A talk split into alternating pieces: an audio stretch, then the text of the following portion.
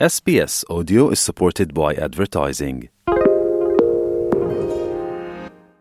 SBS is Australia's most trusted multilingual broadcaster.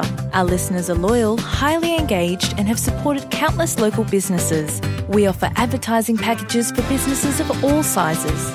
Our experienced sales team will guide you through the process of owning a great campaign. Bring your own ad or have our production team make you something in one of our 68 languages. Start the conversation with your new audience today. Email sales at sbs.com.au. شما با پروگرام دری رادیوی اس هستید حال با جاوید روستاپور خبرنگار برنامه دری برای جنوب آسیا از طریق تلفن به تماس هستیم که اونا درباره تازه ترین رویدادها در افغانستان صحبت می‌کنن آقای روستاپور سلام عرض می‌کنم خب گفتم میشه که اظهارات سرپرست وزارت تحصیلات عالی مبنی به ای که تخریب کارای نظام طالب با واجب القتل هستند واکنش های بسیار زیاده را برانگیخته. بله؟ با سلام وقت شما بخیر آقای شکیب. بله اما که شما اشاره کردیم ندا محمد ندیم سرپرست وزارت تحصیلات عالی طالبان در سخنرانی که در پانتون کندهار داشت. گفت که کسانی که با زبان اگر نظام را تخریب می‌کنن یا با قلم تخریب می‌کنن و یا هم با تفنگ یاقی هستند و اینا واجب قتل پنداشته میشن این مقام طالبا تاکید کرد که ما قانون اساسی نداریم و قانون اساسی حکومت اسلامی شریعت است. و دنبال این اظهارات این مقام طالبان واکنش های بسیار جدی در شبکه های اجتماعی و برخی رسانه های جمعی برانگیخته شد که شماری از کاربران شبکه های اجتماعی و همچنان آگاهان نموز تاکیدشان بر این است که همان گونه که سرپرست وزارت تحصیلات عالی طالبان تاکید می‌کند که قانون اساسیشان شریعت است.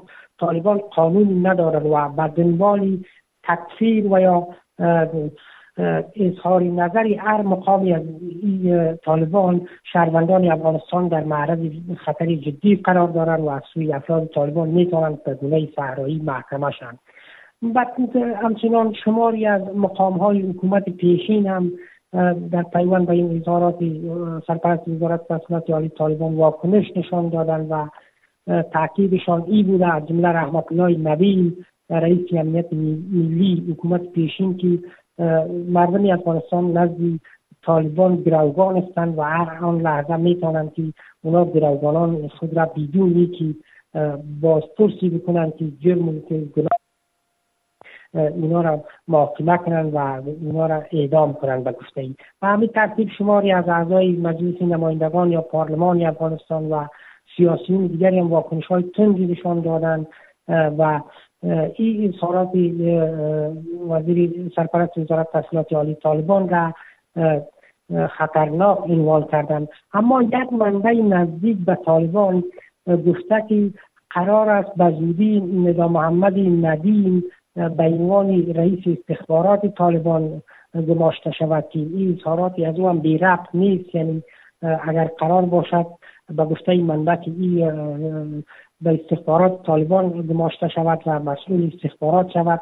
کسایی را که تارگت کرده و لیست گرفت ایار شود در آینده نه چندان دور پس از اینکه به سمت گماشته شد بازداشت و مجازات کند. بله.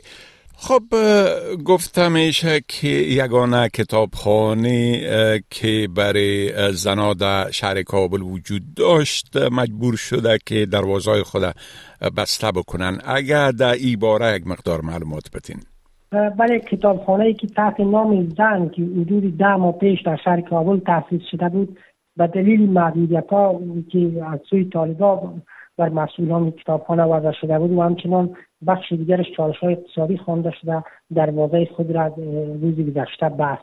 بنیانگذاران این کتابخانه گفتند که محدودیت هایی که گروه طالبان بر زنان وضع کردن فضا را برای ادامه فعالیت این کتابخانه تنگ کرده بود.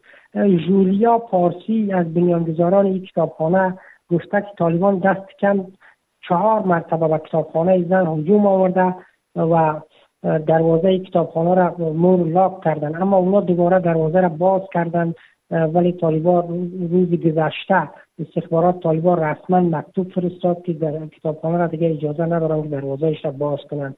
مسئولان کتابخانه گفتند که این کتابخانه نه تنها فضا را برای زنان مساعد می ساخت که بیایند این فضا مطالعه کنند بلکه یک فضایی بود برای اینکه زنانی که افغانستان که در وضعیت بسیار بد قرار دارند و همه چیز از اونا گرفته شده در اینجا می آمدن به گفت شنود می پرداختن و شماری از زنان فعال هم در اینجا برنامه خود را ترهریزی می کردن که چی باید کنند و از این کتابخانه کتاب می بردن با خانوادهایشان با حتی با دختر دختران محصول که در اوضاع پانتون برایشان بسته شده بود برای اینا کتاب می بردن و یک فضایی بود که تا حدی می که زنان استفاده کنند ولی محدودیت جدی طالبان و اختاریه آخرشان سبب شد که اونا مجبور شوند دروازه کتابخانه را بسته کنند. بله. خب گفتم میشه که یک حزب نو در خارج از افغانستان اعلان موجودیت کرده. بله. بله این حزب حزب شهروندان افغانستان نام دارد که به رهبری شخصی به نام دکتر حسین ارشاد استاد پانتون و عضوی جمعی از چهرهای سیاسی و فرهنگی است که در فرانسه اعلام موجودیت کرد. این حزب با شعار افغانستان برای همه شهروندان و اصل شهروند میور وارد کارزار, سیا... کارزار سیاسی شده است.